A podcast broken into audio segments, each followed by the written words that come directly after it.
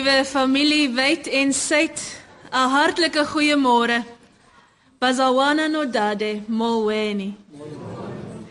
Ons deel vandag die bediening vanuit die Verenigende Gereformeerde Kerk in Fulani, 'n noordelike voordorp van Kaapstad.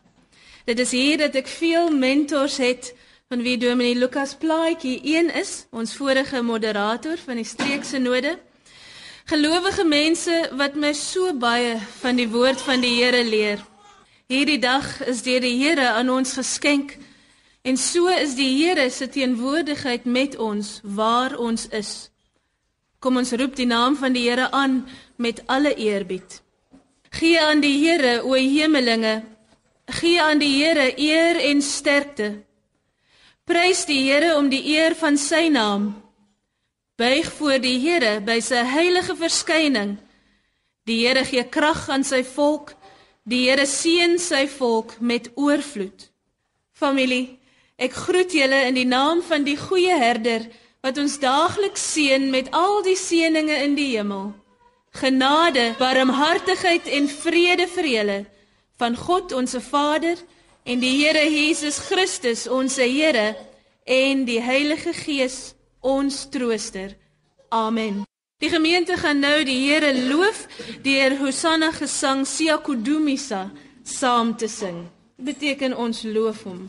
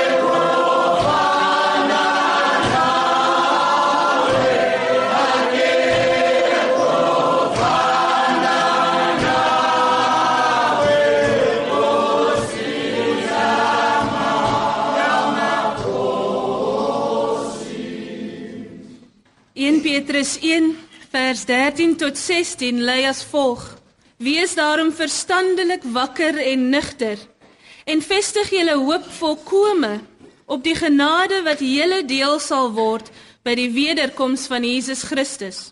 As gehoorsame kinders moet julle nie julle lewe inrig volgens die begeertes wat julle vroeër gehad het toe julle God nie geken het nie. Nee, soos hy wat julle geroep het heilig is, moet julle ook in julle hele lewenswandel heilig wees. Daar staan immers geskrywe: Wees heilig, want ek is heilig. Ons deel vandag hierdie uur met mekaar omdat ons mense is wat graag soos God heilig wil wees. Ons wil nie deur ons ou wêreldse begeertes beheer word nie, maar eerder deur verhouding met God wat vir ons sorg, tot wie ons totaal afhanklik is. Kom ons bid daarom dat God ons in hierdie lewensreis sal lei. Heilige en magtige God, vergewe ons swakheid. Heilige en wyse God, vergewe ons dwaasheid. Heilige en liefdevolle God, vergewe ons verharding. Heilige en getroue God, vergewe ons onstandvastigheid. Heilige en sagmoedige God, vergewe ons hoogmoed. Vergewe ons, heilige God. Vergewe ons. Amen. Geliefdes, so ver as wat die ooste van die weste is, so ver verwyder God ons oortredinge van ons. Glo hierdie goeie nuus en leef in vrede. Ons skriflesings vanoggend kom vanuit Klaagliedere hoofstuk 3 verse 22 tot 33 en 2 Korintiërs 8 verse 7 tot 15. Kom ons bid tot die Here vir verligting van sy woord. Here, onsse God, U wat reg laat geskied deur U naam, kom met U Gees in ons midde en leer ons deur na U woord te luister om dit te onderhou sodat ons sal lewe en doen wat U ons daarin leer. Open daarom ons hart vir u woord van bevryding. Laat ons luister wat u Gees aan u gemeente wil sê. Maak ons tot mense wat mekaar die lewe begeer om Christus wil. Hy, u geliefde seun, wat vir ons die weg en die waarheid en die lewe is, sodat ons sal leef tot u eer alleen en tot heil en stigting van ons naaste vandag en al die dae van ons lewe. Amen. Die skriflesings gaan ek aan die voorhou, Klaagliedere 3 vers 22 tot 33. Dit is die goedertierenhede van die Here dat ons nie omgekom het nie, want sy barmhartighede het geen einde nie. Hulle is elke môre nuut. U trou is groot. Die Here is my deel, sê my siel. Daarom sal ek op hom hoop. Goed is die Here vir die wat op hom hoop, vir die siel wat hom soek. Dit is goed om in stilheid te hoop op die hulp van die Here. Dit is goed vir 'n man dat hy die juk in sy jeug dra. Laat hom eensaam sit en swyg as hy hom dit opgelê het. Laat hy sy mond in die stof steek. Miskien is daar hoop. Laat hy die wang gee vir die wat hom slaan. Laat hy genoeg kry van smaad, want die Here sal nie vir ewig verstoot nie. Maar as hy bedroef het, ontferm hy hom na die grootheid van sy goeie tierenhede want nie van harte verdruk of bedroef hy die mense kinders nie en dan 2 Korintiërs 8 vers 7 tot 15 maar soos julle in alles oorvloedig is in geloof en woord en kennis en alle ywer en in julle liefde vir ons sorg dat julle ook in hierdie liefde daad oorvloedig is Ek sê dit nie as 'n bevel nie, maar om deur die ywer van ander ook die egtheid van julle liefde op die proef te stel. Want julle ken die genade van ons Here Jesus Christus, dat hy alhoewel hy ryk was, ter wille van julle arm geword het, sodat julle deur sy armoede ryk kan word. En ek gee in hierdie saak my oordeel, want dit is voordelig vir julle, omdat julle al reeds 'n jaar gelede begin het, nie alleen om te doen nie, maar ook om te wil. Maar voltooi nou die daad ook, sodat net soos die bereidheid om te wil daar was, so ook die voltooiing kan wees uit wat jy besit.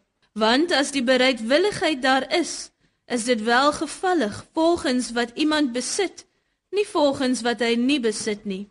Want ek bedoel nie dat daar vir ander verligting moet wees en vir julle verdrukking nie, maar dat volgens gelykheid julle oorvloed in hierdie tyd hulle gebrek kan aanvul, sodat ook hulle oorvloed julle gebrek kan aanvul en daar gelykheid kan wees. Soos geskrywe is, hy wat baie gehad het, het nie te veel gehad nie, en hy wat weinig gehad het, het nie te min gehad nie. Tot sover die woord van God. Salig is elk wat hierdie woord hoor en ook daarvolgens lewe. Die VGK Mfuleni Kerkkoor sal nou ons eie konteks nader aan die skrifgedeeltes bring deur hul lied as gebed te offer. Ons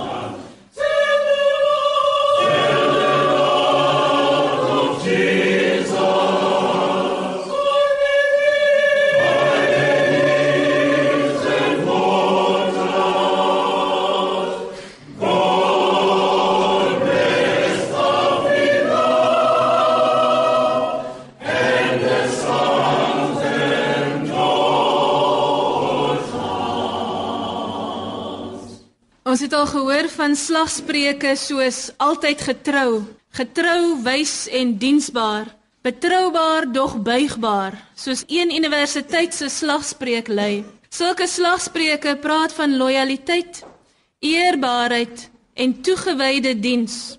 Ek glo dat die taal van die Bybel dieselfde kwaliteite aan God toeken.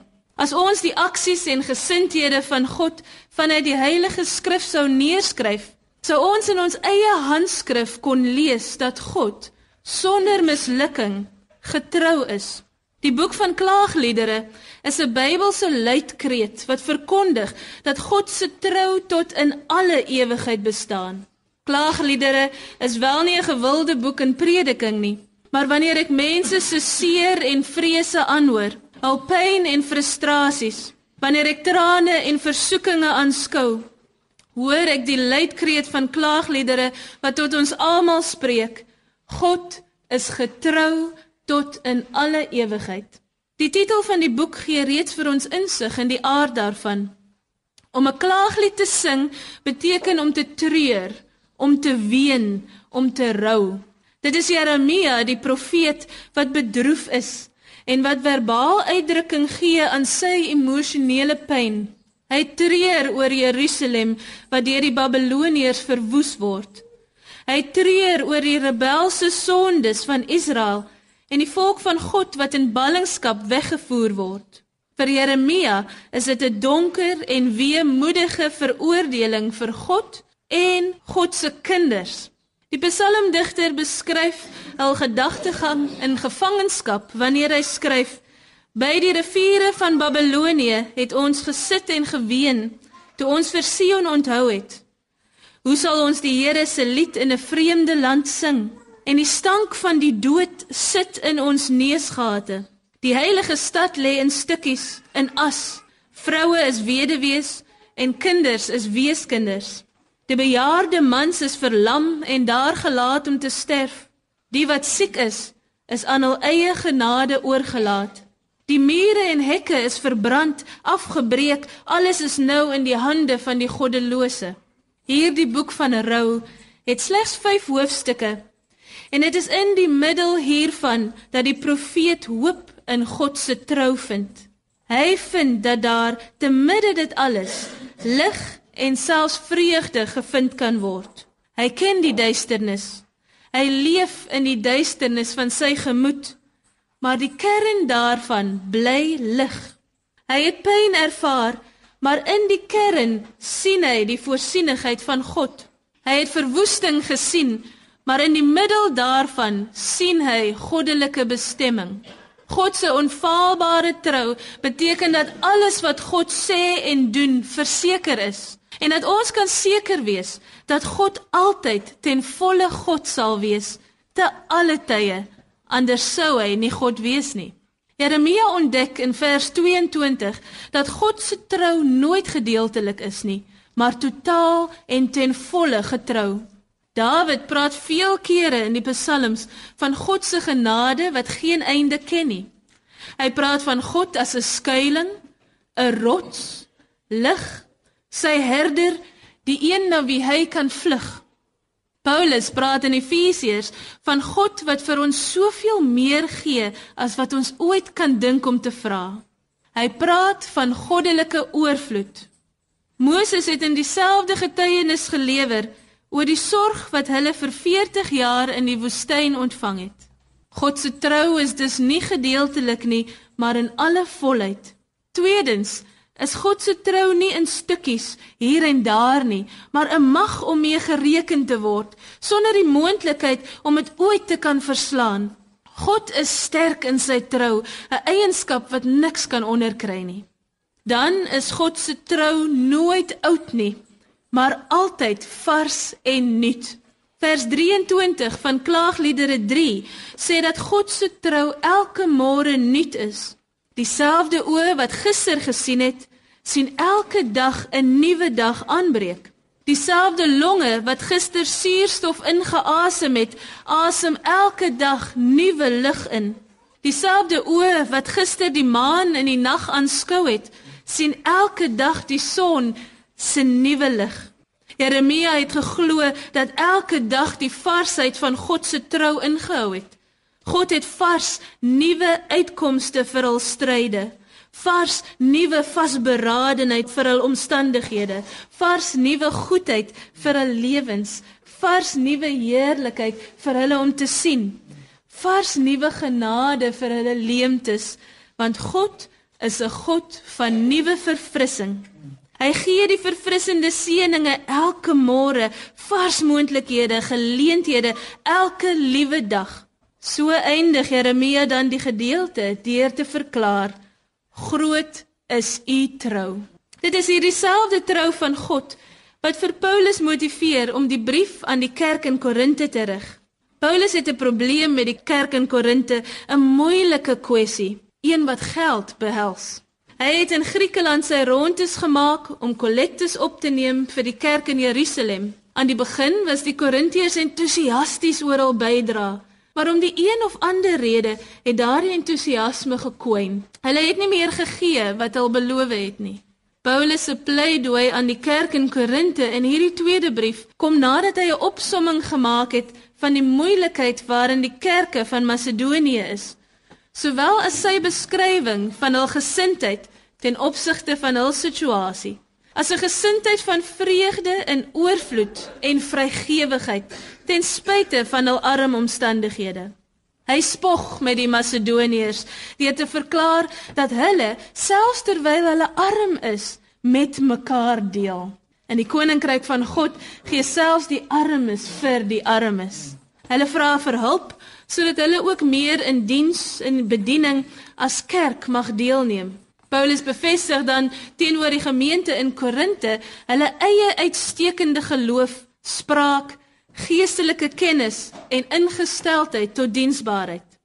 Aangesien Paulus weet wat dit op beteken om soos Jeremia sy hele lewe te sien verwoes word en om soos Jeremia onder die genadige guns van God te leef, herinner die Korintiërs daaraan in vers 9 want julle weet van die handeling van ons Here Jesus Christus dat terwyl hy ryk was, het hy vir ons onthaalwe arm geword sodat julle deur sy armoede ryk kon word. Hierdie woorde herinner aan Paulus se bekende skrif aan die Filippense in die boek se tweede hoofstuk wanneer hy sê: "Doen niks uit selfsug of hoogmoed nie. Wees eerder nederig en ag ander hoër as jouself." Nie op jou eie belange gerig nie, maar op die behoeftes van die ander gerig. Gebruik dieselfde ingesteldheid as Christus Jesus, want terwyl hy in aard God is, het hy homself leeg gemaak deur die vorm van 'n slaaf aan te neem as mens. Hy het homself verneder tot die dood toe, selfs die dood aan die kruis. Terwyl dit 'n teologies gelaaide gesang is, vertel dit ons iets baie belangrik van God se betrokkeheid in ons lewens. God is met ons. Deur Jesus Christus wat deur sy goddelikheid die uitdagings en stryde van die menslike bestaan ten volle aanneem. Dit is Paulus se sentrale boodskap hierin dat God in Christus vir ons onthaalwe arm geword het En ons word nou opgeroep om dieselfde te doen vir die onthaalwe van ander, individueel en kollektief. Die eerste klem van Paulus lê daarin dat daar nie gegee moet word uit dwang nie, maar vanuit vreugde, bereidwilligheid, ywer en egtheid. Tweedens is dit belangrik om te gee wat binne vermoë is, alhoewel selfs dit 'n bietjie vaag is. C.S. Lewis het geskryf: Ek glo nie dat enige iemand kan vasstel hoeveel ons behoort te gee nie. Ek is bevrees dat die enigste veilige reël is om meer te gee as wat ons kan. Wat beteken dit vir ons? Dalk is dit juis 'n oproep om nie net namens arme mense te werk nie, maar saam met diegene wat swaar kry. 'n Oproep om menswaardigheid as dit ware te bevorder. Dit is meer as net om geld te gee. Dit is om 'n boodskap te verkondig wat deur ons lewens spreek en sê jy is waardig om jou belange bo my eie geplaas te hê. Paulus sê deur sy motivering vir geldelike bydrae dat die gemeente in Korinte deel is van die gemeentes van Macedonië. Dat geloof in God deur Jesus Christus altyd beteken dat alle gelowiges een liggaam is, dat ek en jy een liggaam is waar die een lei ook die ander die leiding sal ervaar.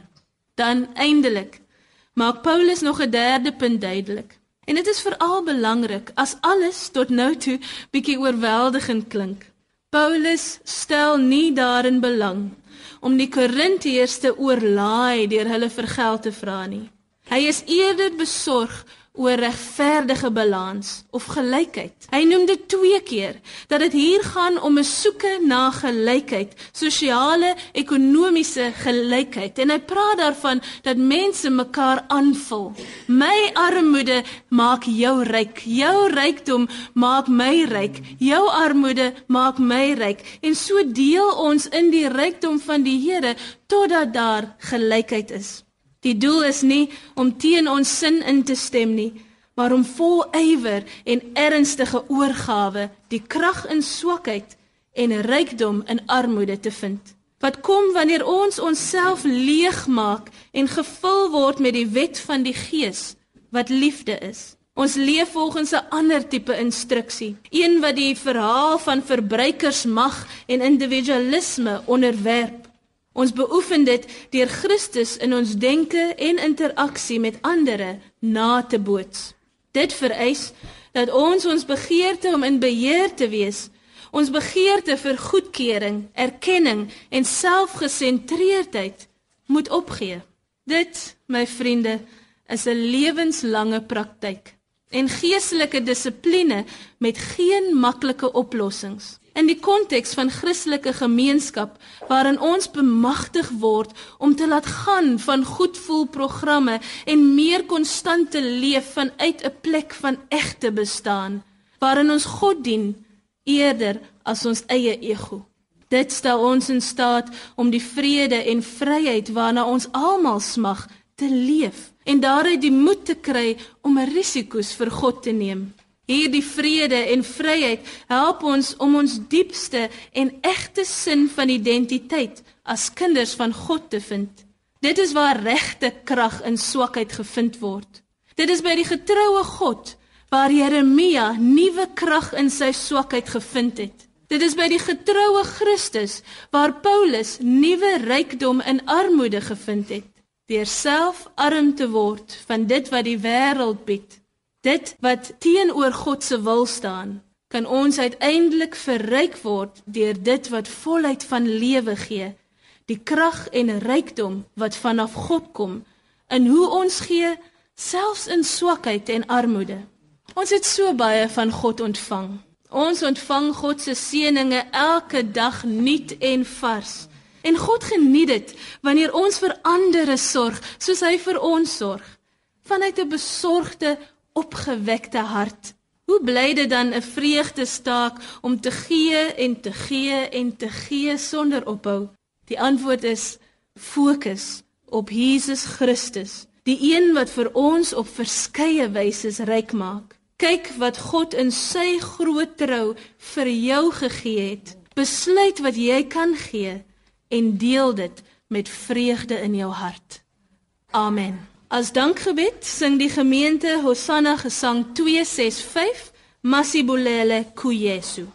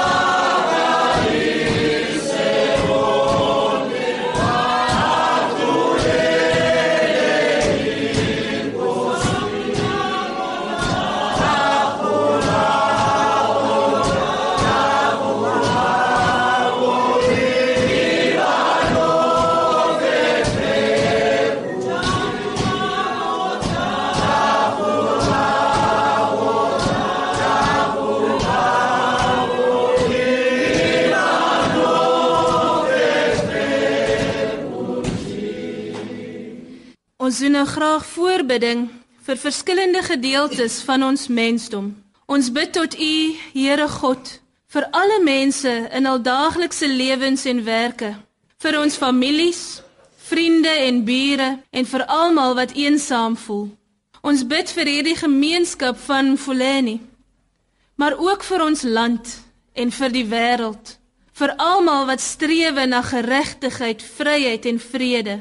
Ons bid vir slagoffers van hongerte, ongeregtigheid en verdrukking, vir almal wat in gevaar is, wat bedroef is. Ons bid vir diegene wat die wat siek of alleen is met u liefde bedien. Ons bid vir almal wat u waarlik dien. Hoor ons, o Heer, want u genade is groot. Dankie vir al die seënings van hierdie lewe. Ons sal dit nooit kan vergeet nie. Mag ons lof aan U duidelik wees in hoe ons met die ganse skepping omgaan, tot totdat ons in ewige vreugde in U rus, soos U in liefde beloof. Deur Jesus Christus, ons Heer. Amen. Nou geliefdes, gaan uit in die wêreld in vrede. Wees dapper. Hou vas aan wat goed is. Moenie kwaad met kwaad vergeld nie. Maak sterk diegene wat swak is. Ondersteun en help die noodlydendes. Eer alle mense. Wees lief vir en dien die Here en verheug jou in die krag van die Heilige Gees. Mag die Here ons inspireer tot 'n lewe in Jesus en mag sy Gees van God ons besit neem sodat alles wat ons is en doen ons die vrede van God waartoe hy ons roep oral op die aarde sal bring vandag en al die dae van ons lewe. Amen.